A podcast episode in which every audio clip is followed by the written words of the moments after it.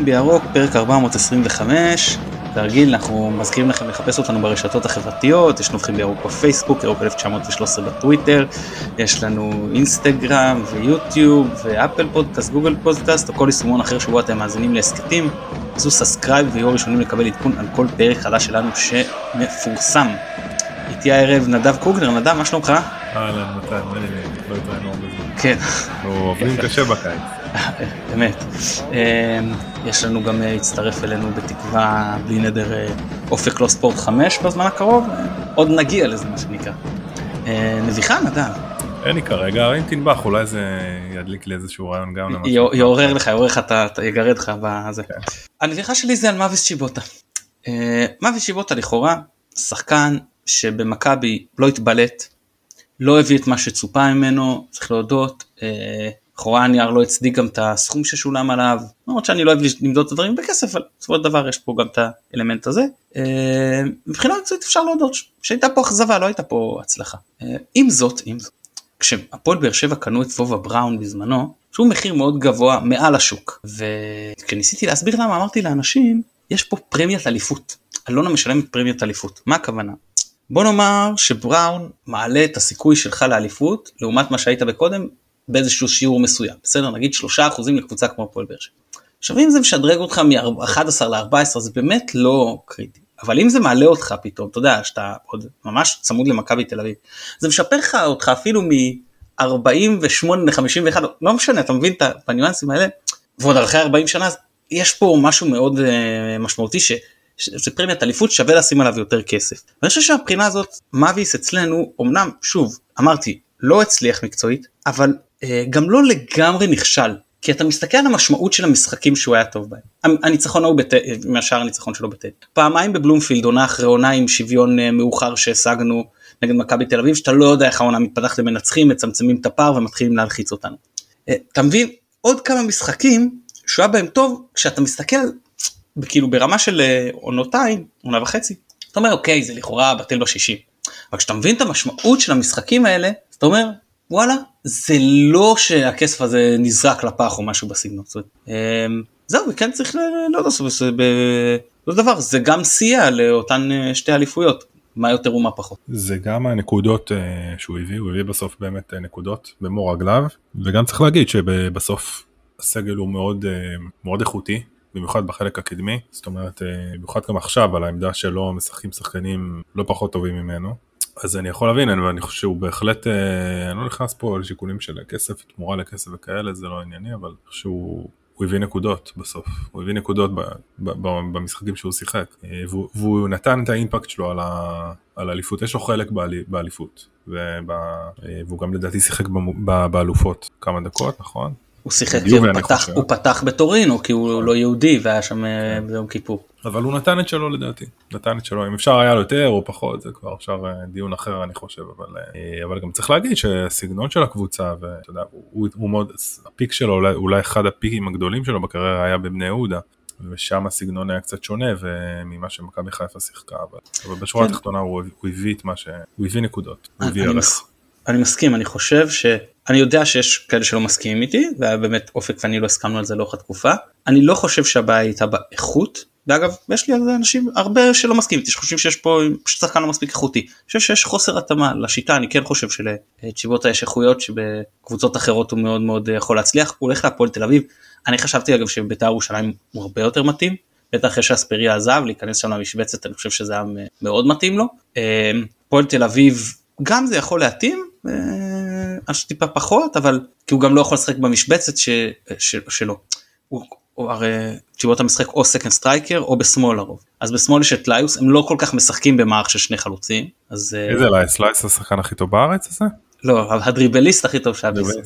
אבל לא רציתי לוודא. כן זה אני ממליץ למי שאומר את הדברים האלה מש, בקרוב ללכת לראות את אוסקר גלוך בבינוני ללכת לראות מנור סולומון וברחוק ללכת לראות את יוסי בניון שהוא באמת הטיקט של בניון ברור שהוא הביא עוד הרבה אלמנטים למשחק אבל הפורטה שלו היה דריבל הוא הגיע לקבוצה כמו ליברפול בגלל הדריבל שלו. נגיד ששחקן שבמקרה הטוב יצליח לגרד בית עליון בליגה העונה הזה. לא תראה יש שחקנים גם מנור סולומון עובדה שהיה מכבי פתח תקווה אבל עדיין לא יודע טוב אוקיי בואו נתקדם אה, לענייננו והיום אנחנו הולכים לדבר על יריבתנו הבאה במוקדמות ליגת האלופות, הלוא היא סלובן ברטיסלבה. זה בוא, רוצה להתחיל לספר לנו קצת על המועדון בגדול?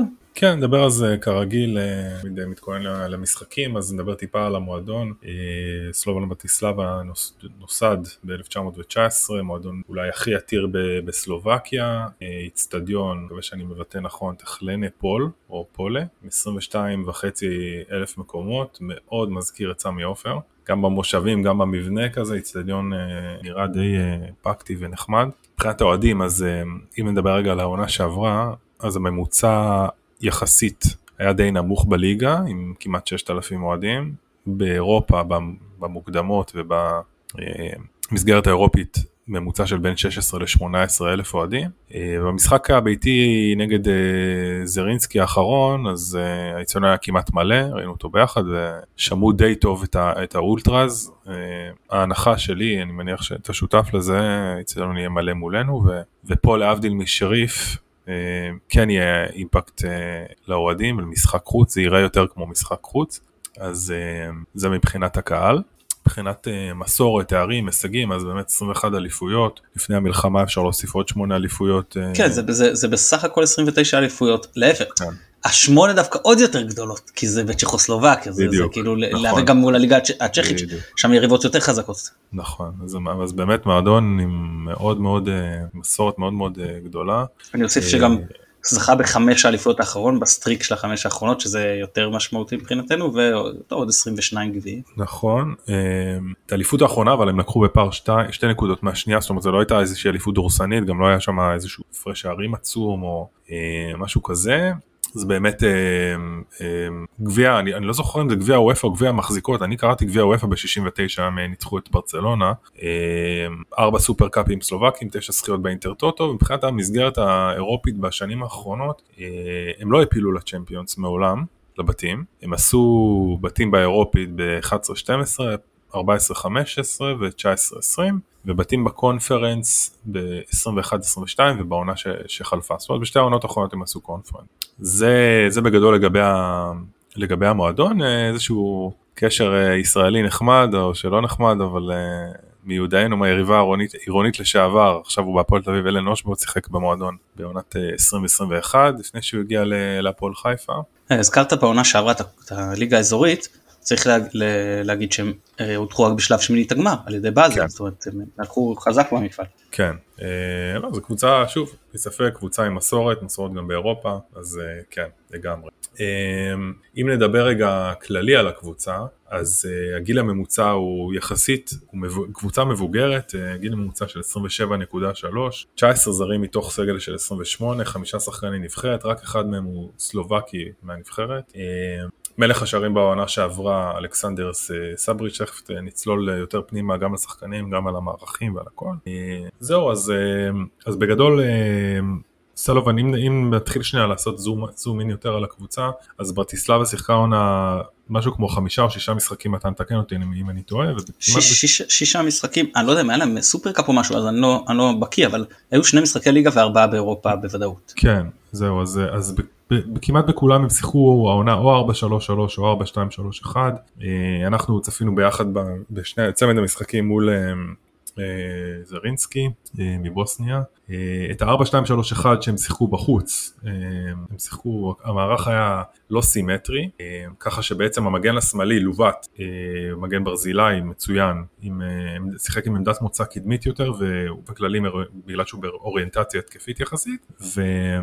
ונראה שבשני המערכים ברמה ההגנתית המערך הוא יחסית אג'ילי זאת אומרת אפשר לזהות ברמה הראשונית שני קווי הגנה זאת אומרת שני קווים של ארבע ולפעמים זה נראה שככל שמתקרבים אליהם לשער שההגנה גם שההגנה מתכווצת לקו חמש זאת אומרת בעיקר הכנפיים יורדים אחורה והם סוגרים את השחקנים הקיצוניים אה, בכל מקרה אבל אפשר להגיד שברמה ההגנתית הקבוצה יחסית יעילה אה, ואפשר לתת את זה כדוגמה המשחק הראשון אה, הקשר האחורי קנקבה וזוברו הקשר הקדמי ששיחק בצד שמאל סיימו, סייעו המון. אה, ללוות לסגור את, ה, את השחקנים, את השחקן, ש, את הקו שלו. אה, בסוף המשחק אפשר להגיד גם שהקבוצה גם שינתה קצת מערך, זאת אומרת בסוף המשחק הראשון ירדה לשחק אה, קו 5 ברמה די מובהקת, רצתה לשמור על התוצאה, הובילו שם 1-0 בוסניה. ואפילו אפשר אני אני לא יודע אני מתן יכול שאתה תתקן אותי וזה אני חלמתי אבל יש לי צילום מסך גם שיחקו אפילו ברגעים מסוימים בקו 6 זאת אומרת ליצ'י הקשר האחורי ש, שנכנס כמחליף אה, בעצם נכנס לחפות ולסגור את קו ימין כשהמגן הימיני שתכף נדבר עליו אה, בעצם אה, נכנס יותר פנימה. אני אגיד גם עוד משהו שאני בעצם אני חושב שיש הבדל פה אפשר אולי לנהל איזה דיון יש הבדל די משמעותי בין הסגנון במשחק חוץ לזה שבבית. אם בחוץ הקבוצה שיחקה יותר מבוקר, לא תמיד חיפשה להניע את הכדור, אז בבית הנטייה הייתה יותר להחזיק בו. אבל בשני המשחקים, לפחות לתחושתי, הקבוצה לא הייתה תכליתית בהנעת כדור, זאת אומרת הניעה כדור יפה אבל עד השליש האחרון אה, ולא עשתה איתו יותר מדי דברים כאילו מגוונים או יצירתיים, אה, לא עשתה כמעט לחץ, למעט באמת הזדמנויות נקודתיות ו... ולקבוצה באופן, וזה מתקשר לזה, לקבוצה לא נראה שיש איזשהו כישרון יוצא דופן בחלק הקדמי, שדורש איזושהי תשומת לב מיוחדת. אני חושב שבדומה לשריף, אין פה לדעתי שחקן שהיית אומר, שאני הייתי אומר שהוא מגיע לרמה של שרי, רפאלוב, סבא או חזיזה. אבל יש לה שחקנים לא רעים ש... שעשויים אה, להיות מסוכנים מבחינתנו. תודה נדב, רק רגע אנחנו רק אה, נבשר לכם שמצטרף אלינו אופק לא ספורט 5, אופק מה שלומך? אהלן אהלן ערב טוב, נצל על האיחור. מה נשמע? נדב, איזה כיף לראות אותך. אהלן, מה העניינים? טוב, לונג טיים, יחסית אלינו. בחודש מגדל שיער שאני בחיים לא יהיה לי את זה. לא, לא יהיה לי לעולם. אה, טוב, אתה יודע לרוץ הרבה יותר טוב ממני. אני רץ, אני לא מהר, אבל אני רץ, כן. אנחנו שמחים שאופק אה, מצטרף אלינו, לא מספיק, לא מספיק, צריך להיות אצלנו יותר. רגע, אני אכתוב לעצמי בפנקס בפנקס של הדברים שהכנתי על הסלובקים אני אכתוב להופיע יותר. זה פנקסנות מתן, שים לב. אה, טוב בסדר, אקח לתשומת ליבי. טוב אז אה, נגענו ב... ב דיברנו אופק על סלובן ברטיסטבה כמועדון והתחלנו לגעת בחלק המקצועי, נדב קצת דיבר על מערכים ועל המשחק הראשון. נדב ברשותך אם כבר עשינו איזה קאט אז אני רק אציין שהמאמן שלהם הוא ולדימיר וייס והוא זכור בעיקר לאוהדי הכדורגל ממונדיאל 2010 בו הוא אימן את נבחרת סלובקיה שהפילה עד לשמינית הגמר ואז הם הפסידו באמת 3-0 להולנד אבל לקחת נבחרת כמו סלובקיה לשמינית גמר מונדיאל זה מאוד מאוד מרשים. אז אה, באמת כמו בקרוב, בקרוב אצלנו. בוודאי אה, כשיש 48 נבחרות אז עדיין לא נצליח אבל היורו אם יש לנו שחקן כמו הישאם ליאס אני כן. באמת פונה עליו. לא הבנתי את ההערה מה פספסתי. מתן ספר. מאחורי הקלעים נסביר לך את הרפרנס. אוקיי. אה, בכל מקרה אז אה, כמו שנדב אמר הקבוצה פתחה 4-2-3-1 במשחק הראשון נגד אה, זרינסקי מוסטר ו-4-3-3 בשני התקפית. הגנתית היא משחקת 4-4-2 פלואידי כמו שנדב אמר והעניין הוא המשחק בין הקווים ראינו את זה מאוד מאוד יפה אני סליחה שאני, שאני ככה uh, uh, הולך נתלה באילנות מאוד נמוכים אבל שר, uh, שרון מימר משתמש ככה בריצ'רד בואטנק בריין. המעבר הזה של העשר בין הקווים uh, לעבור מ, מ, במקרה הראשון של מ-4-2-3-1 ל-4-2 הגנתי. ומי שעשה את זה במשחק השני זה ולדימיר וייס ג'וניור שהוא הבן של המאמן שהוא uh, משחק ב, uh, בצד שמאל הוא כאילו הכוכב של הקבוצה והוא לא ישחק במשחק הראשון נגד מכבי כי הוא uh, מוצב. זה, זה סופית למרות הסיפור של הצהובים שיורד לא, יורד. לא, זה יורד אם אתה מגיע לא ברגע שצברת את השלושה בסיבובים הראשונים זהו אתה חוטף את ההשעיה אתה מקבל הקלה אם, אם לא הורחקת ואתה זה אני לפי מה שאני יודע הוא לא, okay. לא אוקיי. ישחק. אוקיי. Uh, אני, אם אני לא טועה הוא גם פתח במשחק הליגה האחרון שזה די מוכיח שהוא לא uh, הולך לשחק ב... כי הוא היחיד ששיחק ב... נגד זרינסקי מוסטר בבית ופתח ב... ב...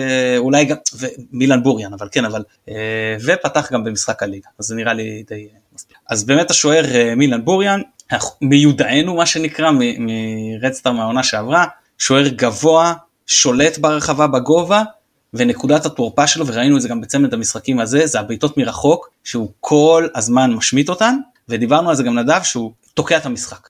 כדור מגיע אליו נשכב מרגיע עכשיו יכול להיות שזה גם היה אינטרס שלהם אבל לא ראינו מקום שהוא באמת זירז את העניינים גם שהיה להם אה, יכלו לצאת עם זה קדימה. אני הייתי מוסיף גם אמרתי לך שראינו שאני חושב שהייתי תוקף מצד ימין שלהם אבל הייתי לוחץ את צד שמאל שלהם כי צד שמאל הוא הצד החזק שלהם כן אבל התקפית אה, נכון אבל אבל בצד שמאל אה, כשהכדור מגיע לבוריאן בצד שמאל לרגל שמאל הוא מאבד את העשתונות ככה אני, אני מתרשם הוא פשוט זה כאילו עיבוד כדור. אני לא חושב שיש משהו שבוריאן יעשה במשחק הזה שיכול להשתוות לרגע שבו הוא עזר לכדור של דניאל סונגרן להיכנס פנימה בבלגרד רגע אחרי שהוא לקח פנדל. לא יכול להתווכח איתך על זה. עיניי זלגו דמעות של אושר כן. אבל לי יש תחושות טובות על כן בדיוק גם הדברים האלה על בוריאן כאילו הוא, הוא אמרתי אתמול למתי הוא, הוא נראה לי משהו שם לא יש לו כאילו פעולות ממש ממש טובות יש, הוא לא נראה לי לגמרי בטוח בעצמאים שהוא הססן נורא יש לו, הוא יוצא טוב לכדורגל אבל לפעמים הוא מפספס הוא יוצא וחוזר. לא אני, יציב, לא יציב. אני, אני רוצה רגע לפני שאתם עוזבים את עמדת השוער להגיד שהם יכולים לשחק גם בקו 5. באמת בליגה יש להם נטייה לשחק ככה וזאת אומרת אפשר הם מסוגלים להחליף 3-4 שיטות תוך כדי משחק ובין היתר להתאים את עצמם ל, ליריבה כי כי יש לקבוצה הזו נטייה לוותר על החזקת הכדור כשהיא פוגשת קבוצה טובה ממנה ואז הרבה פעמים יותר נוח להתגונן אה, בקו 5 כפי שראינו נגיד בשני המשחקים האחרונים של אה, שריף. כן תראה גם בצמד המשחקים מול אה, גם בצמד המשחקים מול אה, אה, זריסקי מוסטר הם שיחקו הגנה נמוכה בשני המשחקים שהקו הראשון של השניים הוא על החצי זו נקודה חשובה גם לקראת מכבי. זאת אומרת ולא כמעט כמעט ולא ניסו ללחוץ אותם את זריסקי מוסטר שזה קבוצה אני לא יודע אם היא שורדת פה בליגה אולי אבל באמת לא התרשמתי ממנה בכלל. אני אגיד שההבדל הגדול ממה שהיה שריף נגדנו למרות ששוב צריך להבדיל ביריבה זה שהם כן שיחקו התקפות מסודרות עם הנעת כדור והכל. אה, לציין שגם זה ריסקי מוסטר לא לחצו אותם אז כשאנחנו נלחץ אני מאמין שאנחנו ננסה ללחוץ אז אה, אנחנו לא יודעים איך הם יתנהגו כי לא ראינו אותם העונה עומדים מול לחץ של אה, קבוצה אה, אה, איכותית. וגם אנחנו לא בדיוק התמודדנו עם קבוצה שיש לה בכלל רצון להניע כדור. זאת אומרת שגם הלחץ שלנו שיכול להיות משוחק ב-5-2-1-2 ויכול להיות משוחק ב-4-4-2 פרופו 10 שקופץ ללחוץ את החלוץ טרם נוסה ברמה של לחץ כי המלטזים די העיפו את הכדור שריף מהקיצוניים שראיתי בוויתור על המשחק אז יכול להיות שמה שמסה יעשה זה באמת ינסה להעמיד מבנה של 5-2-1-2 שמטרתו ללחוץ את ה-4-3-3 או ה-4-2-3-1 שלהם מן טו מן ואז בוריאן יצטרך להעיף את הכדור קדימה. זאת אומרת אם דולה וקורנו בכנפיים הם לוחצים את המגנים שלהם שני חלוצים על שני הבלמים שרי על השש וג'אבר וסתם אני זורק כן ג'אבר עלי גוני you name it דוחפים קדימה ובעצם מה שנשאר להם זה להעיף את הכדור למעלה אפרופו המבנים שתיארת גם 4 2 3 1 וגם 4 3 3. כן. אה, אני ממשיך ככה נדב תעצור אותי תתפרץ אה, אה, אני, דיברנו על המגן השמאלי אני אגיד שהוא התקפית התקפית בלבד הוא מזכיר את קורנו זה באמת שחקן טכני מאוד הוא מרים להם גם, גם הרמות תוך כדי משחק, משחק live מה שנקרא חי, וגם את המצבים הנייחים בשמאל, ובאמת ברמה מאוד מאוד אה, גבוהה. אה, מבחינה שוב התקפית, הגנתית, אה, קורנו לדעתי עולה עליו משמעותית. אה, צמד הבלמים שלהם, אז אה, אה, יש להם את אה, קאנן אה, ברג'יש, בג'ריץ', סליחה, שאני התרש... הוא הבלם השמאלי, סלובני, אני התרשמתי שיש לו קרוסים טובים למרחק גדול, מזכיר מהבחינה הזאת את אה, אורי דהן, והבלם ה... משחק עם אה, רגל הפוכה, עם רגל ימין. כן, והערה חשובה. יכול להיות חיסרון. והבלם היותר אה, משמעותי שלהם, בלם ימין ימני מספר 4 זה גורם קשיה, שהוא גיאורגי, שחקן ותיק בן 36 מנוסה עם ניסיון רב בנבחרת גיאורגיה אני חושב גם שהוא היה קפטן הנבחרת למשך תקופה הוא שחקן שתוקף את הכדור קשה לעבור אותו הוא מתזמן היטב שליחת רגליים, מונע בעיטות, מונע הכנסות כדורים למרכז, באמת בלם בכלל לא רע, אבל שניהם להתרשמותי, לפחות מבחינה הגנתית, לוקים בגובה, וזה מה שאני חושב שאנחנו אה, נוכל לנצל. בעצם אתה חושב ש... שמשחק הראש הוא היתרון של מכבי חיפה? אני לא יודע כי תראה כי בסופו של דבר בוריאן הוא כן שוער שמאוד שולט בהרחבה. כן, כן. אני אומר שמול הבלמים תראה גם את, ה, אה, השער שהם ספגו הראשון שני השערים חושב היו מצבים אה, לא נייחים נגד אה, אה, מוסטר הראשון ממש קרן ונגיחה ואחרי לא הרבה זמן היה עוד קרן כמה דקות אחרי ששוב הגיע לשחקן ברחוק שכמעט הכניס. אתה רואה שם שברגע שזה לא מוגבל לחמש ובוריאן נדב העיר על זה הוא, הוא הוא יוצא כשהוא רואה שזה מחוץ לחמש הוא חוזר לשער. הוא לא מתנפל על הכדור כשהוא מחוץ לחמש. ואז כבר השחקנים הגבוהים אצלנו אני חושב שיש להם אה, יתרון אה, יש להם שחקן שהוא טוב הגנתית אה, בגובה אנחנו עוד מעט אה, נגיע אליו זה שרני זוברו אבל אה, הוא, הוא קיצוני ב, ב, ב, בדרך כלל ימני במשחק הזה כנראה שחק שמאלי בגלל שווייס לא נמצא אנחנו אה, עוד ניגע בזה. טוב נדב אתה רוצה לדבר על המגן הימני? תן לך את הפאן. יאללה כן. לא האמת שיש פה לפחות בעיניי יש פה כמה נקודות תורפה גם uh, בג'ריץ' שדיברנו עליו uh, הוא בלם טוב לפחות לפי מה שאני מתרשם אבל שמתי לב שהוא בכל המשחק שמתי לב שהוא משהו שם שם לא רגיל הוא משחק פשוט עם ימין משחק עם ימין כבלם שמאל בדקתי ובאמת ראיתי שהוא uh, רגל החזקה ימין אז זה יכול להיות אולי יתרון אם uh, מישהו בא אליו עם uh, עם בצד צד הפוך ולוקאס ספאוצ'ק באמת הוא אם אני לא טועה הוא הקפטן אגב מתן. לא לא לא לא הוא הקפטן השלישי. הקפטן הראשון זה בכלל המשחקים עם הסרט אבל נכון נכון אני אסביר הקפטן הראשון זה ולדימיר וייס. אה שהוא הורחק שהוא לא שיחק. והקפטן השני זה החלוץ שלהם צ'אבריץ' צ'אבריץ' סליחה והוא הקפטן השלישי עכשיו בשני, במשחק הראשון כשצ'אבריץ' הורחק הוא קיבל את הסרט ובמשחק השני וייס הורחק זה עבר הוחלף זה עבר לצ'אבריץ' צ'אבריץ' הוחלף זה עבר שוב לפאוסצ'ק. הבנתי. אני רק אגיד שאני אני אני אגיד זה בזה אני מקווה שהוא ישחק פאוצ'ק כי נראה לי שהוא מגן הוא בוא נגיד הוא נקודת תורפה די רצינית צעד הראשון שלו יחסית איטי היו לא מעט פעמים שעברו אותו די בקלילות איטיות יחסית וביחס לקבוצה די גדולה, סוגר לו תמיד טוב, לא שומר על קשר עין עם התוקף, רק עם הכדור, הרבה פעמים שומר רחוק מהתוקף ונותן לו להגביה בנוחות, אפרופו כאילו קורנו ישחק או לא, אה, מקווה מאוד שכן, אה, ויש לו גם אוריינטציה, פשוט הוא לא, הוא לא, הלקויות ההגנתיות הן מאוד בולטות, או האוריינטציה שלו לא טובה, יוצא הרבה פעמים מהעמדה, ראינו את זה בגול, אה, אם אני לא טועה, בגול השני, או באחד המצבים בסוף המשחק אה, האחרון נגד אה, זרינסקי, פשוט החליט לצאת מהעמדה, לתקוף את החלוץ, והשאיר מאחוריו חתיכת בור. עכשיו זה קורה לא פעם, כאילו זה קרה כמה פעמים בצוות משחקים האלה, אני חושב שמי שהולך לשחק בצד שמאל שלנו אז אנחנו צריכים לדעתי לפחות צריך לחשוב כאילו על הציוות בצד שמאל בשביל uh, לתת שם יתרון. Uh, טוב על בורז'ן דיברנו. כן הוא גם, הוא גם אני אגיד שהוא גם אוויר זאת אומרת עברו אותו כמה פעמים כן. וגם אבל עוד יותר בולט זה היכולת לקבל עליו כדור לשטח. הוא לא מהבחינה הזאת שוב אם אני מנסה לא- קצת ככה לתת איזשהו מושג לא לאוהדים מזכיר את מבוקה.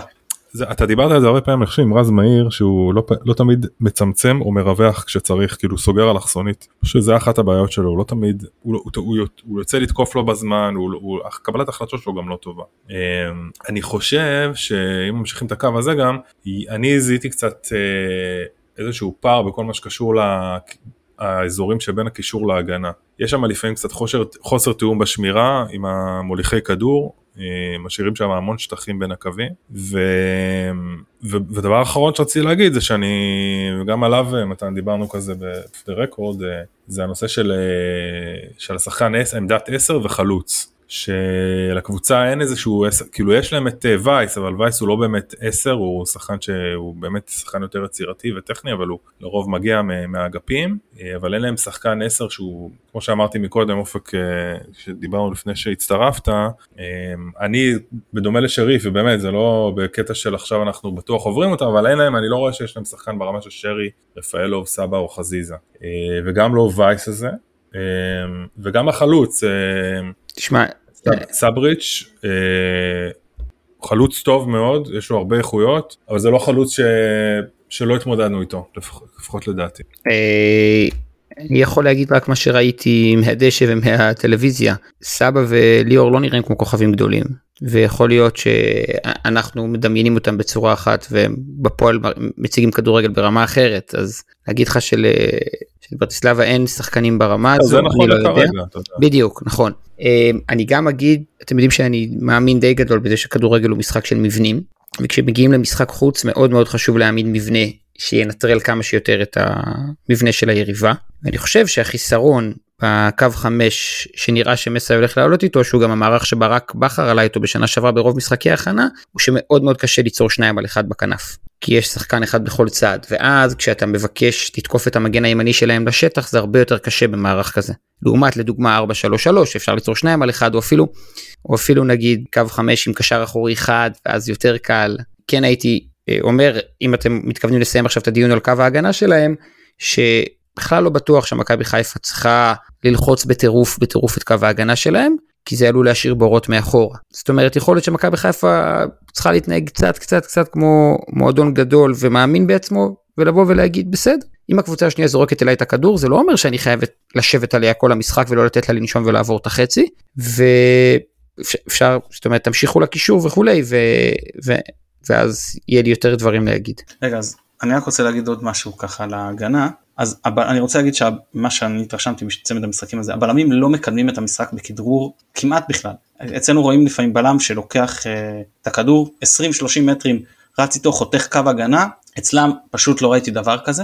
ולגבי מה שנדב uh, אמר אז כל פעם שלובט באמת יוצא לפעמים ללחוץ פרסים של לחץ גבוה כזה מצטרף לקישור ישר נכנס מישהו במקומו, אם זה זוברו במשחק הראשון, אם זה וייס במשחק השני, הקבוצה ממושמעת טקטית, רואים שהם יודעים לעשות הגנה. אני לא חושב שיש להם איכויות הגנתיות כמו של שריף, אבל הם עומדים הגנתית נכון והם... אה, טקטית הם מסודרים מצוין. מאוד מסודרים. זה אגב, אני אמרתי את זה מקודם אופק, אני, כשאתה, כשתוקפים אותם, אתה רואה שב... מגיעים לשליש האמצעי אתה רואה שני קווים של ארבע אבל כשהם עולים עוד מדרגה הם הרבה פעמים מתכווצים גם לקו חמש. זאת אומרת הכנפיים mm-hmm. הקישור בכנפיים כאילו כנפיים בקישור סוגרים את, ה, את הצדדים. זאת אומרת שהרבה פה רואים, רואים פשוט, פשוט כאילו כדי לחפות על המגנים אה, רואים סוג של קו חמש. זה לא תמיד קורה גם דיברנו על זה שבהגנה הם מאוד אג'ילים אה, אבל הרבה פעמים אתה רואה שאין שם איזשהו משהו מסודר, זאת אומרת הרבה פעמים הם, אה, הם משנים. טוב, אז נגענו, שוער אני חושב שכרגע להם יש יותר טוב הגנה לנו, אבל אז בואו נעבור לקישור, שזה החלק הכואב. אני חושב שחוליה אה, הכי טובה אצלם לדעתי, למרות שאני יודע שבטח כשווייס לא משחק, אז אה, הקשר האחורי, השש שלהם זה סבידיס, יווני, שחקן אחראי, לא מתפתה לעלות יותר מדי, מנהל את המשחק מאחורה, בא אל הבלמים לקבל מהם את הכדור, אם צריך אה, כדי לבנות התקפה, אם צריך כדי לשבור לחץ, אה, שחקן שלא מפסיק לעבוד הגנתית, אה, רוצה להרחיב לגביו נדב? לגבי סבידיס דיברנו? כן לגבי... כן, סבידיס. אז אני כן, אני חושב מבין uh, השניים כאילו uh, יחד עם קנקבה אז הוא, הוא אחורי יותר. Uh, שחקן שלדעתי בין היחידים דיברנו על זה גם אתמול בין היחידים שאולי אוהב לתקוף את הכדור הוא קצת מזכיר בחלק מהפעולות שלו את נטע קשר אחורי קלאסי שאוהב אוהב להיות נקרא לזה אקטיבי לתקוף את הכדור לחטוף לצד קדימה ראינו את זה גם באחד הגולים שלהם בגול השני אם אני לא טועה נגד, נגד זרינסקי הפעולה התחילה אצלו שהוא גם די משלים את קנקבה, קנקבה הוא סוג של box to box כזה, שחקן מאוד דינמי שזז המון בלי הכדור, בעיניי לא תמיד יעיל, אבל הוא משתתף המון גם ב build-up, אה, לפחות כשעובר בצד שלו באגף שמאל, והוא מצטרף הרבה פעמים גם להתקפות בקו שני. אה, והוא אמור, אז... לפ... אמור לפתוח באיזה עמדה? שמונה. חצי אמצע שמאל, כאילו ג'אבר כזה. לא, לא, כן. לא. זה, זה... מה, קנקבה אתה מדבר?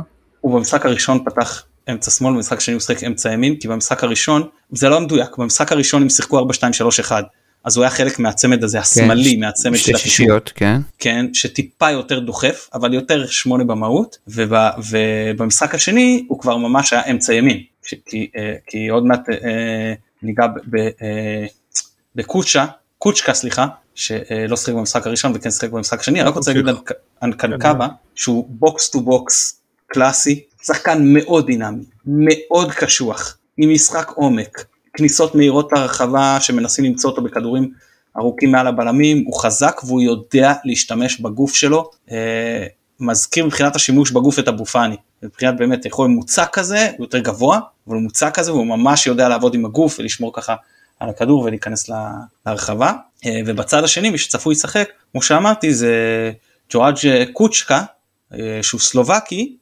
והוא אה, אה, אה, בהנחה שהם ישחקו 4-3-3 אז הוא אמור אה, אה, להשלים את שלישיית הקישור. ואם במקרה הוא לא ישחק אז מי לכאורה בעשר ואמור להשלים את אה, שלישיית הקישור שלהם, זה מרקו טולי, טוליץ', שהוא uh, באמת עשר, הוא משחק בעשר, הוא זה שעושה כמו שאמרתי, הוא את התנועה בין הקווים במערכים המשתנים בין התקפה להגנה, uh, אבל פשוט העלימו אותו לחלוטין במשחק הראשון, הוא, חוץ מזה שהוא לקח את הנייחים בימין, מה שווייס עושה בדרך כלל, הוא פשוט לא, לא היה מעורב במשחק. נטרלו אותו בקלות וקשה לי לראות איך שחקן שנוטרל ככה אה, על ידי מוסטר ישחק, יפתח נגד מכבי, אה, כמובן שהכל יכול להיות אבל אה, לא נראה לי.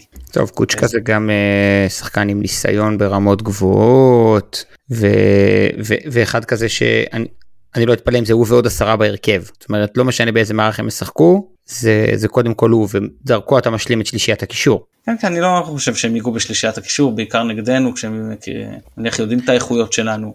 אז אחד הדברים שמאפיינים את הסלובקים זה בעיטות מרחוק וקרוסים מהצדדים וקוצ'קה הוא אחד השחקנים הכי יעילים שם בכל מה שקשור לתנועה לעומק. גם הרבה ניסיון ומביא איתו כדורגל ברמה גבוהה שהוא שיחק.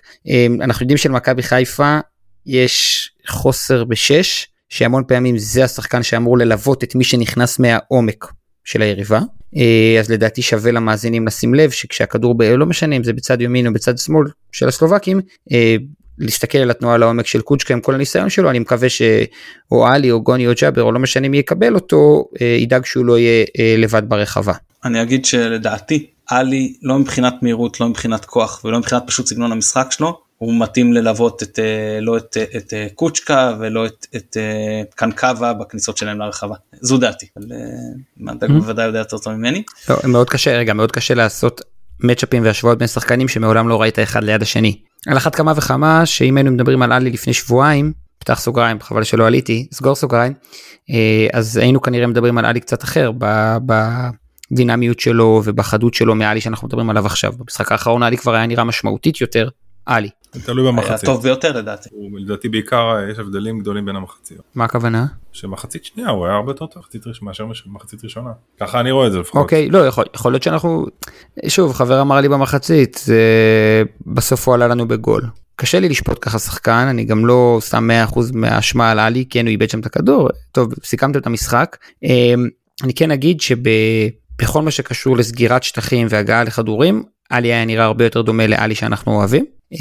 כן, יש לו את החסרונות המובנים שלו שאפשר לדבר עליהם אחר כך כשנדבר על מכבי חיפה בכל מה שקשור להנעת כדור מהירה והזזת כדור מאגף לאגף ו- וכולי. מתן אני רק אגיד שאומנם גוני הוא יותר גדול פיזית משמעותית אבל ג'אבר הוא שחקן מאוד מאוד מאוד חזק פיזית אז יכול להיות שאנחנו רוצים שג'אבר זה זה. כן? זה גם הקשר הכי מהיר שלנו. כן. אתה צודק שזה קשה לעשות את ההשוואות האלה ואני מניח שלכן יש אנשים שמקבלים לא מעט כסף בשביל לעשות את זה. לא ללהג כמונו אלא באמת להכין את הקבוצה בשביל דברים כאלה ששחקנים שלא באו במצ'אפ אחד עם השני. טוב נעבור לחלק הקדמי אז אה, לא אני רוצה להתייחס למה שאופק אמר על הקרוסים כן גם מהצדדים גם מהאמצע. כמעט ולא ניסיון של דאבל פאסים או, לפרוץ לחווה בדריבל הכל באו הכנסות כדור מה... לא, מה, לא, מה... לא כשזה נוגע לווייס, דווקא וייס, מה שראינו, נכון. אולי זה אחד, זה אחד מהפורטים שלו, אתה לא רואה איזה דריבל גדול, אתה רואה שהרבה ניסיונות לדאבל פאסים. פסר, פסר. כן, וכניסה מהירה פנימה, כאילו זה, זה אפרופו דיברת קצת... על תבניות אופק, אז, אז דעתי זה משהו שהם הולכים עליו המון, הוא מקבל את הכדור, הוא, הוא... הוא מנסה לחפש את הבן אדם לעשות איתו את הדאבל ולהיכנס ישר לרחבה. כן, אבל הוא לא ישחק, הוא לא ישחק. אני בניתי על זה שהוא משחק אגב, ורציתי להגיד שהוא היוצא מן הכלל שמעיד על הכלל. אוקיי, אז, אז הוא לא אמור, לא, לא אמור לשחק, הלוואי שהוא ישחק, אז נחזור אה, ללולו ירון שלא קורא את ה... ולא עוקב אחרי ההוראות של חנה שפגאט או לא יודע מה. אה, אז, אז באמת במשחק הראשון כשהוא לא היה, לא ראינו את זה, ראינו או הכנסות מהצדדים או ממש הקפצות, כל מיני הקפצות כדור מהאמצע ו, וניסיונות לכדורים, לא רוצה לקרוא להם ארוכים כי הם לא ארוכים, אבל בינוניים אה, אני, נקרא לזה. אתם יודעים מה אני חושב? אני חושב שאפשר, את, את כל הדיון פה כמובן, כדאי לשים בקונטקסט של תחילת עונה, הרבה מאוד דברים שמאמנים עובדים עליהם לא קורים טוב בפועל הרבה מאוד שינויים תוך כדי משחק אה, ראינו מעט מאת היריבה. לא אני אומר לא לא ברור. אני סתם למה אתה כי אה, נדב אומר שהוא ראה טקטוקים ו double pass ים וניסיונות למסירות כפולות עם וייס. ואני אומר אה, חייזר שיעשה scout על מכבי חיפה אחרי שני המשחקים נגד שריף יגיד או צריך להיזהר משיבלי, הוא מכניס את הכדור טוב לפיירו עם הגב לשער. לא בטוח שזה מה שהמאמן תכנן, לא בטוח שזה מה שנראה במשחק הקרוב, לפעמים הדינמיקה במגרש והסיטואציות על הדשא משנות קצת את התוכניות. זה נכון. אה, פתחו סוגריים, הפעלה נהדרת של פיירו על ידי שיבלי. כן, אה, טוב, הדיון על פיירו, שזה, אתה לא היית איתנו בפרקים האחרונים, אבל אני, אני רק אסכם לך בקצרה, שיש את הבדיחה על ההוא שמתקשר לאשתו והוא אומר לה, האיש שמתקשרת לבעלה ואומרת לו, את uh, תיזהר, יש איזה מטורף אחד שנוסע נגד התנועה, אז הוא אומר לה, מה את מדברת? כל הכביש מלא במטורפים. כן. אז אני אומר שאני ב, ב, באוטו שנוסע נגד כיוון התנועה, במה שאני חושב. תופס את החשיבות של פיירו לקבוצה, ואני מקווה, אני מקבל שהרוב לא חושבים כמוני. לא, אתה אוהב, אתה אוהב לא שיש סדר ואני עושה לך בלאגן. אתה מחייב אותי עכשיו להגיב כי לא הייתי פה. אני לא חושב שיש למישהו ספק שבמשחק האחרון כל הזזה של פרנסי פיירו מהמגרש היא החלשה של מכבי חיפה. אז אין? אתה יודע כמה תגובות שליליות אני ראיתי כל מיני בני משפחה חברים. טוויטר על המשחק האחרון של פיירו? רגע, זה, זה מצחיק כי אני עומד ביציע ומעליי איזה בחור צעיר שאני לא יודע מי הוא אמר שבתחילת הערכה חייבים להכניס את קנדיל במקום פיירו. כי צריך לסדר את המערך ואין סיבה להחזיק חלוץ כזה והוא עייף.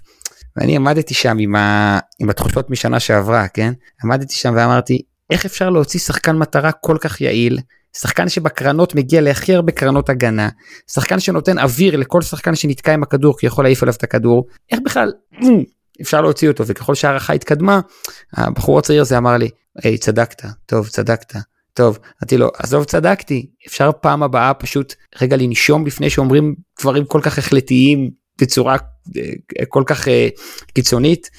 אמ, ואני אגיד לגבי אה, עוד מילה לגבי פיירו החשיבות שלו עולה במשחקי חוץ כשמכבי חיפה צריכה או כדאי לה לנסות להרוויח זמן ולנסות שתהיה לה איזושהי כתובת לכדורים אמ, אלא אם יש פה איזה בעיית עייפות שאני לא יודע עליה, אני לא רואה מצב שהוא זז מהרכב. אה, שבר שבוע, אין שום סיבה שבתחילת עונה, למרות שהוא היה בגולדן קאפ, אבל עדיין. אני פשוט אגיד שכמו שאמרתי בפרק הקודם, שהאוהדים ינסו רגע לדמיין באמת אבל אובייקטיבית, אם כרגע, אם נניח נגד שריף פירו לא היה משחק. עם איזה כלים, איזה כלי התקפי היה לנו מקדימה ברמה הפיזית. לשמור על הכדור, לזכות בכדורים, להוריד אה, כדורים. סגנון אחר כאילו. אבל עזבו סגנון אחר, חבר'ה, מכבי חיפה שומרת עם חמישה באזורית, בקרנות.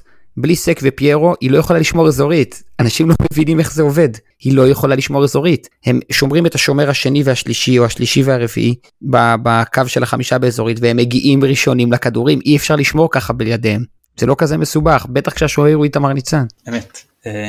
אה, טוב נתקדם לחלק הקדמי בוא נדב אני אתן לך לקחת היותר כיפי מהשניים דיברנו על וייס בוא תדבר איתנו קצת על אה, שרני זוברו. לא, זוברו באמת אה, זוברו שרני לא יודע כל פעם בכל מקום ראינו שם אחר אבל כי זה שם, שם פרטי שם משפחה אבל באמת שחקן יעקובי גביני מה שנקרא של הגנאי של זה זה היה יעקובי גביני. אני זוכר שבהתחלה היה לפחות היה כתוב בעיתון קראו לו יעקובו בוב משהו כזה כאילו גם בהתחלה התבלבלו בשם אבל אה, אבל כן שרני מספר 23 אה, אני חושב אם דיברנו מקודם על אה, שחקנים ישבנו עשינו קצת השוואות אסורות לדעת אופק אז, אז, אז אם יש שחקן שכן מתקרב ברמת הכישרון ביכולות הפיזיות זה שרני. שחקן די מהיר עם יציאה מאוד מהירה מהמקום בעיטה מאוד חזקה ברגל שמאל. אני חושב שאם אנחנו מדברים על כל ההיבטים של מהירות אתלטיות ובעיטה אני חושב שזה השחקן שאולי צריך הכי להיזהר ממנו בכנפיים אמ, ומה שמעניין זה מתן תקן אותי אם אני טועה אבל הוא שיחק בשתי הכנפיים אני חושב במשחק הראשון הוא שיחק בצד שמאל. הוא בדרך כלל משחק בצד ימין.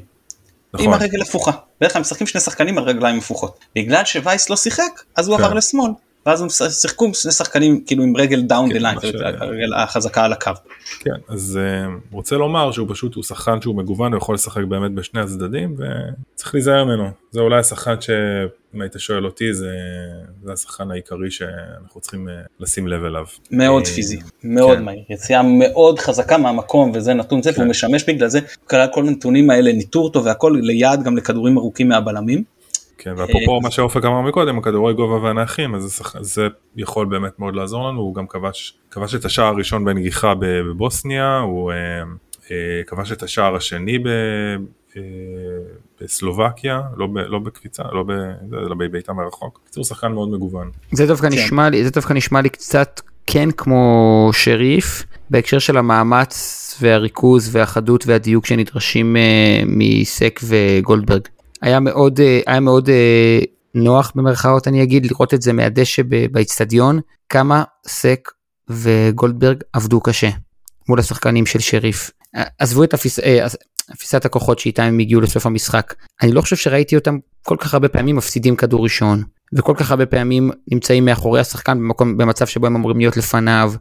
אז יכול להיות ש, שמה שאנחנו הולכים לראות במשחק הקרוב זה שוב מאמץ עילאי של, של אה, סק וגולדברג, וגם גם אם זה יעלה לנו באיזשהו, בגול, אז לא צריך, לא צריך להרוג אותם. זאת אומרת זה יכול לקרות. טעויות יכולות לקרות וכמו שאמרתם השחקנים בצד שני מתנגד טוב יש לי איזה תחושה שכולם הרבה מאוד אנשים סביבי חיים על זה שלא גולדברג ולא סק לא נקבל גול באשמתם אף פעם. אני סקפטי. אני, אני רק אגיד שלתחושתי לפחות אה, שריף היה לפחות בסגל שלה היו הרבה שחקנים באותו סגנון של כוח מהירות פיזיות פה זה לא אני חושב שזה לא המצב לפחות בחלק הקדמי של, אה, של ברטיסלבה. זאת אומרת אין הרבה שחקנים כמו שרני. יש אולי את אה, אה, אבו בכרי אבו בכרים אני מספר 15 כן, אבו בכרי ניגע בו כן, בהמשך כן. אבל אה, הם לא כאילו הם לא מעידים על הכלל. כאילו הם ה, בוא נגיד יוצאים יוצאי דופן מבחינת מהירות ופיזיות. אז אז אני לא חושב אופק שנתמודד עם אותו סגנון כמו שהיה בשריף. שריף העיפו אותנו והריצו את סגר הריצו את שונגו במתפרצות וסחטו באמת הרבה פיזיות אבל אני לא לגמרי בטוח שפה זה המקרה. כן, אה, אני עוד, אגיד עליו על אה, זוברו שהוא לדעתי לא, לא מספיק טכני, זאת לא אה, שחקן כזה טכני, אבל הוא, התרומה ההגנתית שלו יחסית לקשר היא מאוד מאוד גדולה. גם בעזרה שלו באגף, כמו שאמרתי הוא נכנס לעמדת המגן, זה בדרך כלל עושה את זה קשר אחורי, או קשר שמונה ומשחקים בשלושה והוא עושה את זה מצוין, וגם בעזרה בתוך הרחבה, בעיקר במשחק הגובה, אז הוא, אה, באמת יש לו סט יכולות אה, יפה מאוד, ובצד ימין מי שכנראה ישחק זה טיגרן אה, בר סביאן, הוא ארמני, לדעתי כמו שאני ראיתי זה, הוא הדריבליסט של הקבוצה, הוא כאילו הדריבליסט הכי טוב שם, יש לו אחוזי הצלחה יפים בדריבל, הוא גם מנסה לא מעט, והוא סוחט הרבה עבירות, וזו קבוצה שיודעת להרים את הנייחים טוב, דיברנו על לובט שמרים מצוין, בשער שנדב אמר של אה, אה, זוברו הגיע, במשחק הראשון הגיע מהרמה של אובט. זה באמת היו שני השחקנים הכי טובים בקבוצה, ומה שנקרא, בלי קשר לבישול ולשער, אבל זה גם אה, זיכה אותם בזה. אז ורסביאן לא, בדרך כלל לא פותח בהרכב, אבל כמו שאני רואה את זה, כשווייס לא ישחק, אני לא חושב שהם ישנו מערך, אני לא חושב שטוליש ייכנס אחרי שהוא היה לא טוב, אני כן חושב שברסביאן הוא זה שיחליף אותו, וזוברו יזוז שמאלה. שחקנים, שחקנים חדשים שמגיעים עכשיו יפתחו בהרכב, ישחקו, אני לא מעודכן. זה, חצ... רציתי לגעת בזה בסוף, להבנתי היו שני שחקנים שהיו על הפרק, אחד מהם מתוך הליגה ואחד אה, שחקן שהיה של המועדון והיה אמור לחזור מה... מאיטליה מהליגה השנייה, אז מה שבתוך הליגה לד... להבנתי בינתיים נפל, והבחור שצריך להגיע מאיטליה זה די סגור אבל עוד אין חתימה. אז אם נכון למועד הקלטת הפרק יום ראשון בערב עוד אין חתימה, הסיכוי שהוא יפתח אני לא יודע נראה לי לא גבוה כי אני, עד, עד חתימה, מה הסיפור הרציני? לא ייקחו סיכון על הביטוח עם אה, אימון, לאמן אותו. הרי ביטוח לדעתי לא מבטח עד אה, חתימה. אני לא מספיק בקיא, אתה אולי מכיר יותר ממני בהתנהלות. אני חושב שבלי חוזה, הוא גם חוזה בקבוצה אחרת. איפה הביטוח מפעיל, אתה לא יכול לדעתי לתת לו להשתתף באימונים, הוא שחקן בלי חוזה באף כן. מועדון אז אולי כן, אז אתה יכול לעשות ביטוח זמני. אבל אם הוא חוזה במקום אחר, אני לא חושב ש... אבל לא, אולי... דברים שאני ראיתי, דברים שאני ראיתי זה שחקנים שחותמים בחמישי, עולים לדשא לרגע בשישי, ונגיד נכנסים מחליפים בשבת בלי שהם מכירים את השמות של אה. השחקנים סביבם. זה כן. שזה שני, שלישי, רביעי לצורך העניין. סולליך נגיד, התאמן עוד לפני חתימה בזמנו, כאיזשהו כנראה ביטוח זמני, ופתח ישר נגד הפועל באר שבע, כאיזשהו של הפתעה. אבל כשאתה יש לך חוזה במקום אחר אני לא חושב שהוא יספיק להתאמץ שם אני באמת לא יודע. טרנט סיינסבורי חתם בחמישי גירד קצת את הדשא בשישי ושיחק בדרבי מחליף בשבת בעונה של מרקו. כן זה מחליף אז הסיכוי שיפתח שאותו שחקן דיוויד הזה איך שלא קוראים לו יפתח אני לא חושב אבל אבל זהו, לדעתי לא. אה, נדב רוצה להגיד משהו על אה, ברסביאן או אם אתה חושב שמישהו אחר יפתח במקום וייס לפני שנעבור לדבר על אה, צ'אבריץ'? אני קצת חולק עליך לגבי ברסביאן, הוא שחקן טוב, יש לו הרבה כוח, הרבה כוח מתפרץ, הוא פיזי מאוד, אבל הוא לא לגמרי, משהו שם לא לגמרי נעול לי, זאת אומרת בדריבל שלו. כאילו מתב- מתבסס הרבה על כוח אבל אין שם המון המון טכניקה. אה, אבל זה כן זה שחקן ש...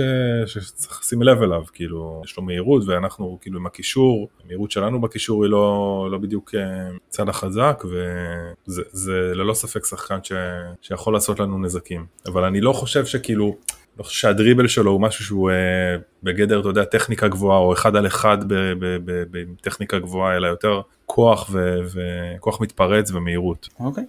אה, אז החלוץ המרכזי מספר 77 אלכסנדר צ'אבריץ' בוא תגיד לנו מה דעתך עליו הוא כנראה גם יפתח כקפטן הואיל ווייס אה, לא, לא משחק. אז, אז תראה, אנחנו בעין אה, של צופים אה, מטלוויזיה, אין לנו נתונים אה, פיזיולוגיים וכאלה, אבל הוא נראה יחסית מהיר, זאת אומרת יש לו, באופן יחסי לגודל שלו הוא נראה מהיר, אבל הוא כן עושה המון המון תנועה בלי כדור מאחורי הקו הגנה, יש לנו הרבה, לא מעט פעמים תבניות שהוא מקבל כדור מהקישור, עושה תנועה לעומק ועוקף את הבלמים, הוא לוחץ לא רע, לוחץ לא רע, והוא יחסית פיזי ויודע לשמור יודע לשמור על הכדור, גם את זה ראינו קצת, אמ, אבל שוב, זה לא, אני אגיד שוב, אני לא, ממה שראינו, לא ראיתי שם איזשהו משהו ש, אמ, שהוא שחקן אה, ביכולות על, כאילו, זה, זה לגבי סאבריץ'. אז אני אגיד את אה, דעתי ברשותך. אמ, אני חושב שהוא פחות יעד לכדורים ארוכים, סק וגולדברג אמורים להיות מסוגלים להסתדר איתו פיזית, מבחינת כוח, מהירות, ניטור. הוא כמו שאמרת יודע למצוא את השטחים המתים ולנוע אליהם, בעיקר כשהקבוצה מחזיקה בכדור, הוא יודע לזהות את הנקודות האלה, הוא עושה ממש את התנועות אה, אה, טוב לאותם אזורים ומקפיצים אליו את הכדורים. שכן אני אוסיף רק סליחה שאני קוטע זה שיש לו מיקום טוב. מסכים. אה, מרגיש הרבה יותר בנוח כשהקבוצה יוזמת מאשר כשהיא מתגוננת, הוא שחקן טכני והוא יודע לשמור יפה מאוד על הכדור גם עם הגב. עכשיו רק להבין כמה הוא טכני, כשהוא, אה, כשבמשחק הראשון כשברסביאן הוחלף, אה, ברסביאן וטוליץ' אז נכנס אה, פיליפ ליצ'י שהוא קשר. במקום טוליץ' למרות שהוא קשר יותר הגנתי אבל אה, נכנס כאילו קצת שינו את המערך. ומי אה, שנכנס אה, לעמדת החלוץ היה מליק אבו בקארי עוד גנאי ואז אה, צ'אבריץ' עבר לשחק בימין ממש כאילו קיצוני ימני. זאת הוא יכול מבחינה טכנית להסתדר אה, גם איתו. אה, רוצה לדבר איתה קצת על אבו בקארי, חלוץ המחליף? אני, אוקיי, אז אני אגיד. שחקן עם נתונים פיזיים מרשימים, מאוד חזק, הוא, הוא יורד נמוך, הוא מפנה שטחים, מה שנהיה מילה גסה קצת אצלנו, אבל הוא מפנה שטחים, מקבל את הכדור עם גב יחסית נמוך, זאת אומרת על קו החצי או קצת אחריו, ואז הוא מנסה למצוא את אותם שחקנים שעושים תנועה לכיוון אותם שטחים. אז במשחק הראשון זה, זה היה ליצ'י וקנקבה, במשחק השני זה כנראה יהיה קוצ'קה במקום ליצ'י, ויש לו בעיטות מאוד חזקות. אני לא חושב אני חושב שמבחינת בעיטות מרחוק זה הוא, הוא ו, ולובת שני השחקנים כל אחד עם הרגל שלו. לא וזוברו גם. זוברו נכון זוברו גם עם שמאלית זה גם זה השחקנים לדעתי שמבחינת בעיטות מרחוק אנחנו צריכים לשים להם גם אוהבים את זה זה לא שהם אה, אה, מנסים אה, אתה יודע רק כשיש להם הזדמנות הם, אה, לובת ראינו אותו בועט מזה מזה 40 מטר אה, באחד המשחקים. כן אז אה, זהו אז, אז לכאורה אם רוצים לשחק על התקפות מעבר הוא כאילו החלוץ שיותר מתאים אבל שוב אני, אני פשוט לא לא רואה זה קורה גם מבחינת הרוטציה שאיזה שחקנים פתחו ואיזה שחקנים שיחקו וגם מבחינת אה, אני לא, לא חושב שהוא ישחק ככה עם ההיררכיה שלו עם השחקנים הראשונים אבל אני באמת לא יודע אני לא מכיר מספיק טוב את הקבוצה גם להעריך את הדברים האלה זה ממש הערכה באצבע ואולי הוא החליט שהוא כן פתאום נותן לו את המקום והוא מנסה להפתיע. אני רק אגיד שדווקא אחרי שהם אה, כבשו אז סלובה ניסו לשחק קצת הגנה גבוהה ויותר להלחיץ את החלק האחורי של אה, זרינסקי, קצת כמו ששריף עשו לנו ממש בדקות שאחרי השאר, אבל די מהר הם ויתרו על זה וחזרו לשחק אה, את ההגנה הנמוכה שלהם. אה, צ'אבריץ' נגיד שהוא עבר לשחק בימין, אז הוא קצת פחות מצא את עצמו, אולי גם כשהוא היה עייף, ולכן הוא הוחלף, החליף אותו מספר 8 ירומיר זרמל, אבל, זרמל, אבל לא, לא הספקתי להתרשם ממנו, וגם באותם דקות, כשם זוברו שהיה גמור, הוחלף בקווין וימר, אה, אקס טוטנאם בלם, והם כמו שאמרת נדב אמרו לקו 5, ואז הם באמת כבר ניסו לסגור את המשחק, לקחת הביתה את הניצחון הדחוק, מה שהצליח להם. וזהו, ודיברנו על זה שבמשחק השני הם פתחו עם אה, וייס וקוצ'קה ב-4-3-3 במקום ב-4-2-3-1, ורק נציין אולי שהמשחק השני היה יותר קצבי מהמשחק הראשון, אני לא יודע אם זה בגלל הנוכחות של וייס וקוצ'קה,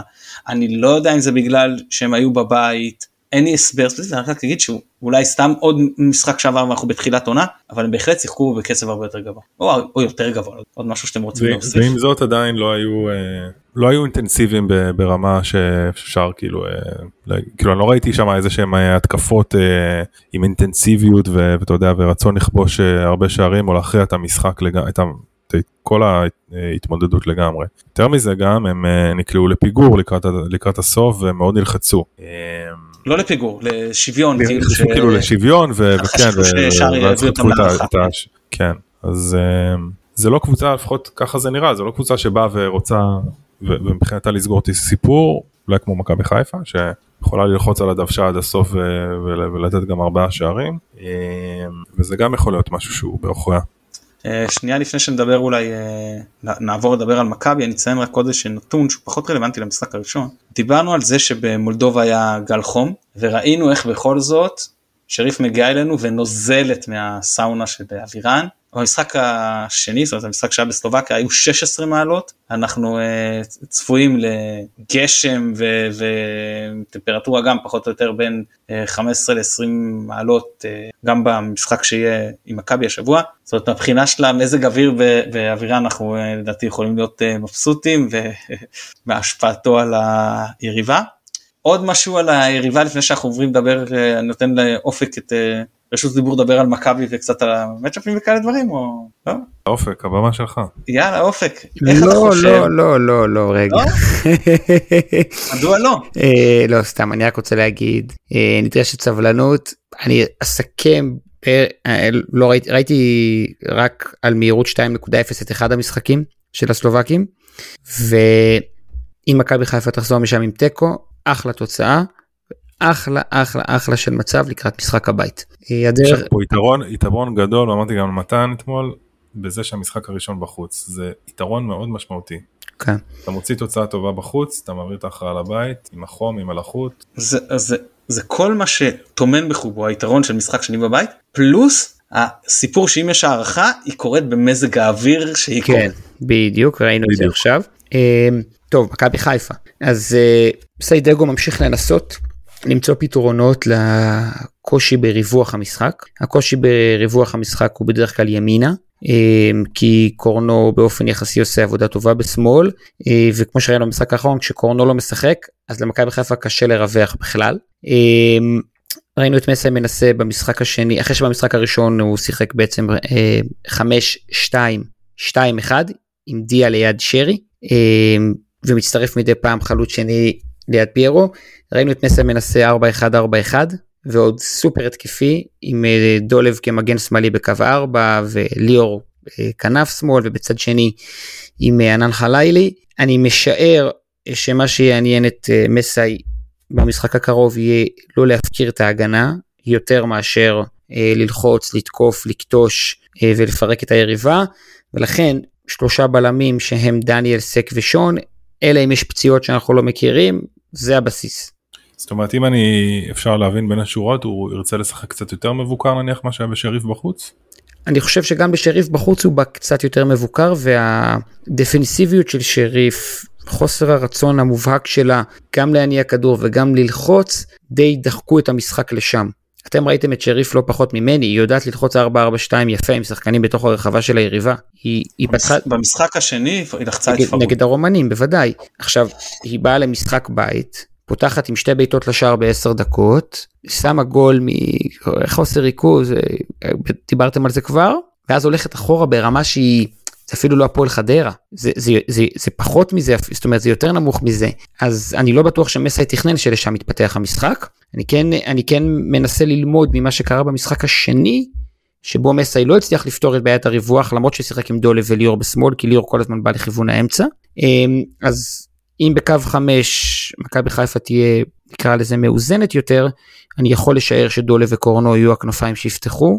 אמ, ראינו את שיבלי, ראינו את צוף, ראינו את אה, אה, ענן שיכול לשחק בכנפיים, ראינו את אילי חג'אג' שעושה את זה אצל לוזם בנבחרת הצעירה. קנדיל שיחק אה, כנפיים. כן, אפילו קנדיל שיחק בלם שלישי בימין אגב. חלק מהזמן עכשיו בסוף המשחק אז אני משער שקו ההגנה ייראה ככה דולב, דניאל, סק, שון וקורנו. מקומו של עלי מוחמד מובטח, מקומו של צ'רון שרי מובטח ומקומו של פרנסי פיירו מובטח. אחד בקישור האחורי, אחד בעמדת העשר ואחד כחלוץ, ואז בעצם נותרו לנו שני שחקנים להשלים. נראה לי שדין דוד, שמסאי דיבר עליו ממש יפה במסיבת העיתונאים, נראה לי שדין דוד אה, יפתח למעלה ודיה הוא זה שיסופסל, בין היתר כדי לשחק לשטח ולא לרגל, אה, ואני חושב שג'אבר יפתח במרכז המגרש גם כי הוא נתן גול, גם כי הוא במומנטום טוב, גם כי הוא קצת יותר תנועתי מגוני, אה, וזה הרכב שאני משער שיתחיל. כן, זה אומר שעל הספסל יש גם שורנוב שהבקיע, אה, גם ליאור עם הניסיון שלו, גם דיה שהוא בעצם הכוכב של הקבוצה יחד עם שרי, גם סוף פוגוריאנו שעשה דקות טובות, גם ענן חלילי שכבר פתח בהרכב וכבר נתן שני גולים כמחליף, גם שיבלי שראינו אותו משחק מגן בקו 4 וכנף שמאל בקו 5 ואלה שישה שחקנים שיכולים לקדם את המשחק. כן, אני גם מסכים שיש לנו הרבה מאוד אה, אפשרויות התקפיות וכלים אה, התקפיים. אה, אגב אני אגיד שבניגוד לשריף פה יש יותר כלים ויותר אפשרויות מהספסל. נגד שריף הרגשת שפשוט אין להם את מי לעלות. במשחק השני כשהם הורידו את צמד החלוצים שלהם, כי לא רק צמד הבלמים שלנו עבד קשה, גם צמד החלוצים שלהם שהיה צריך להתמודד עם זה, עלה צמד חלוצים שאתה הרגשת שזה פשוט תהום ב- ב- בירידה ברמה וגם ככה לובנור הוא לא איזה אה, גדול השח... השחקנים הכישרוניים בכדורגל. אה, אז פה זה לא, פה יש יותר שחקנים ש... אה, יכולים לתרום מהספסל. אמ, אבל אני סך הכל אני מקבל את מה שאתה אומר אופק אמ, אני גם חושב שזו הדרך שמכבי צריכה לשחק זאת אומרת 5 2 1 2 זה עבד לנו גם אה, שנה שעברה אני גם מאוד אוהב את הציוות של פיירו ודין דוד ואני מרגיש שדין דוד מאוד אוהב לשחק ליד פיירו. אה, ראינו ראינו שמסאי גם כשמסאי הכניס את שורנוב ואנשים סביבי אמרו אוקיי זה ישלח את דין שמאלה לא שורנוב הלך שמאלה ודין היה חלוץ. יכול להיות שאנשים עדיין לא מבינים כמה שורנוב הוא טכני. לא, יכול להיות שאנשים לא מבינים כמה מדובר במאמן השני של מכבי חיפה שמחזיק מדין דוד בתוך הרחבה. כן. דין דוד אני אמרתי שחקן מצוין. באמת מחזיק ממנו ויופי לא, של חלוץ. אבל בהמשך לשאלתך מי שחושב ששחקן עושה הרכב באנדר 21 של גרמניה והוא לא טכני כנראה לא מספיק ראה נבחרות צעירות בגרמניה של גרמניה. אה, אני גם שמח שאחרי שהיה לו משחק פחות טוב נגד חמון אז הוא נכנס ונתן אה, דקות הרבה יותר טובות ואתה יודע דברים יותר התחברו. אה, זהו לאט לאט היו לנו הרבה כלים התקפיים ויש גם מספיק משחקים בשלב הזה כדי לשתף את כולם. בסופו של דבר כן. אז אנחנו רגע אם אתה אופק אם אתה מדבר על ההרכב אז אנחנו מדברים על עלי וג'אבר בעצם בקישור האחורי.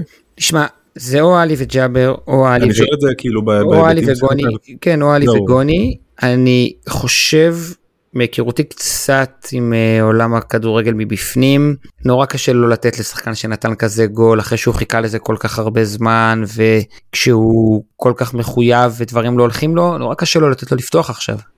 לא אני דווקא שואל בהיבטים של המשחק דווקא בשריף עם הגול שספגנו היה קצת על גוני אפשר להגיד.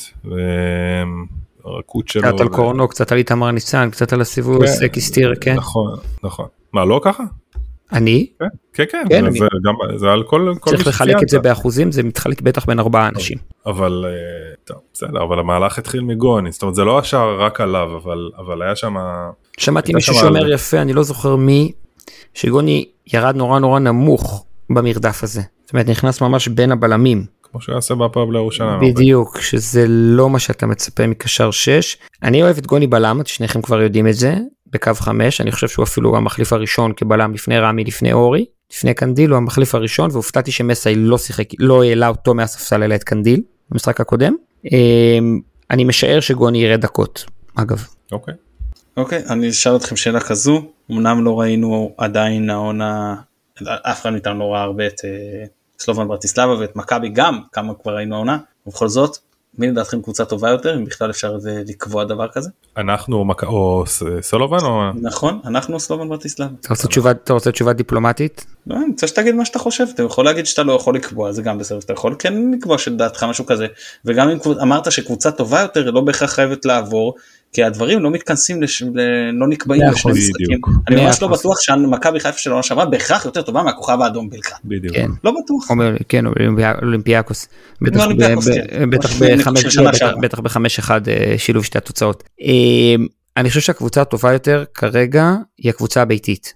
ולכן כל כך חשוב לחזור עם תיקו משם. טוב זה באמת באירופה אני חושב אנחנו שמכבי חיפה קבוצה טובה יותר, אבל כמו שאתה אומר, צמד משחקים, אתה הכל מתנקז אה, כל פעם למשחק אחד, הכל יכול להיות, אבל אה, אז אני מסכים. כשרואים גם- איכות מול איכות, אנחנו קבוצה יותר איכותית. אני גם חושב שמכבי חיפה קבוצה טובה יותר אני כמו שאמרתי על שריף איכותית יותר מאוזנת פחות. אה, גם פה אגב. החיסרון שלנו לעומת סלובון בטיסאווה זה הקישור, זאת אומרת, אתה רואה פה באמת, יש כן, להם כן. יתרון משמעותי עלינו. בהחלט אה, אבל שוב זה כמו שאמרתי צמד משחקים לא קובע כמו שראינו אנחנו קבוצה יותר טובה משריף ובכל זאת הגענו לדקה 84 ל- לגמור את המשחק להערכה בכלל את ההתמודדות להערכה. כאילו לא תמיד זה מה שקובע אבל אני, אני חושב שלאורך זמן אתה שם שתיהן כאילו בליגה מכבי קבוצה טובה יותר זו דעתי. כן תראו תראו את הגול אה, נגד בית"ר ירושלים תראו את הגול אה, נגד המלטזים תראו את הגול בשריף תראו את הגול עכשיו במשחק הבית אלה גולים של חוסר ריכוז רובם קרן מול בית"ר פה הירידה להגנה והקצת עיבוד של. עלי אני, חושב שבית"ר זה הזלזול אני לא חושב שזה מה? שחזיזה ככה מסתובב שמשאירים את קריאף פ- פנוי אני לא חושב שזה לא זה לא זלזול אני מסכים, אתה- אני מסכים שאני מסכים שבטירספול הקבוצה קפה. אני מסכים שבמשחק הזה זה עלי שהתעסק עם השופט במקום ללכת. אה, כן וליאור אה, שעשה לחזור פנדל שהוא להגנה. לא צריך לעשות נכון, אבל אני לא חושב לא שבית"ר ירושלים בית"ר פשוט זה פשוט זלזול במהלך, אני לא חושב שזה העניין של חוסר ריכוז. אז אני חולק עליך, מכבי חיפה לא הסתדרה בקו אזורית שלה מספיק מהר, ביתר הוציאה את הכדור מהר ומשם נוצר הבלאגן. גם- אוקיי, בסדר, גם כשנוצר בלאגן, אז אתה יודע, מקום של... אה, אתה לא מסתובב ככה בתוך הרחבה. אם שחקן כמו שועה זורק אותך בדריבל בתוך הרחבה, זה כבר לא קשור לאיך עמדת אותו אזורית, לא אזורית. הוא לא יכול לזרוק אף שחקן בתוך הרחבה, אותי הוא לא יכול לזרוק בתוך הרחבה. ירדן אה, שועה. חזיזה. כן, איזה דריבל יש לירדן שועה. וואו. מוסר אדיר. דריבל על שטח. קטן, בטח. בוגדן. על שטח קטן, מה יש לו top דריבל, מתן. עבודת שתי רגליים, רגליים ארוכות. זה לא שהוא עבר את חזיזה, שחזיזה הסתובב ונתן לו לעבור אותו כמו איזה אני לא יודע מה. טוב בסדר. חבל שלא הייתי בפרק אחרי ביתר. כן, אה? אה, אם היית שומע שגם לא נשארתי להנפה של אלוף האלופים, כמה שזה לא מעניין אותי אז בכלל. יכול לנחש. אה, כן. טוב, עוד משהו חברים, אה, יותר מכשעה ועשרה של פרק? לא. אז אנחנו, רק אומר למאזינים, שאנחנו לא יודעים עוד אם יהיה לנו פרק באנגלית או לא, אנחנו עובדים על זה עם אה, גורם סלובקי, אנחנו מאוד מקווים, אבל אה, לא מבטיחים, ויהיה לנו פרק סיכום, כולל אה, חוויות של שליחי נובחים בירוק, יציעי עיתונאים שם, איזה כיף לכם. ונקבל את... האצילון אז- מגניב לאללה. נדב, המון תודה. תודה, היה מלמד. מאוד ומעשיר כרגיל וכיף ממש להתכונן איתך תודה. למשחקים. גם איתך, כנ"ל. אופק, תענוג שאתה פה והלוואי שתגיע יותר. תודה. כן, אני חייב לכם עוד הופעת אורח. אבל בתנאי שכשאני עולה נדב עולה. יאללה. אה, זה- אני זה- בפנים. זה- זה החלום, כאילו מה... טוב נדב בוא נארגן פרק בלי מתן ובלי עמית יאללה. ראיתם? ראיתם? אין רכש, אז אני לא יודע. פעם שביקשתם, קיבלתם. לא הפריעו לכם ולא פעם אחת אמרתם, קיבלתם. מאה אחוז. תודה רבה למאזינים, תודה למי שיערוך את הפרק הזה. וכמו שאמרתי, ניפגש או בפרק הכנה באנגלית, או בסיפור המשחק. ביי ביי וירוק. יאללה ביי. Bye.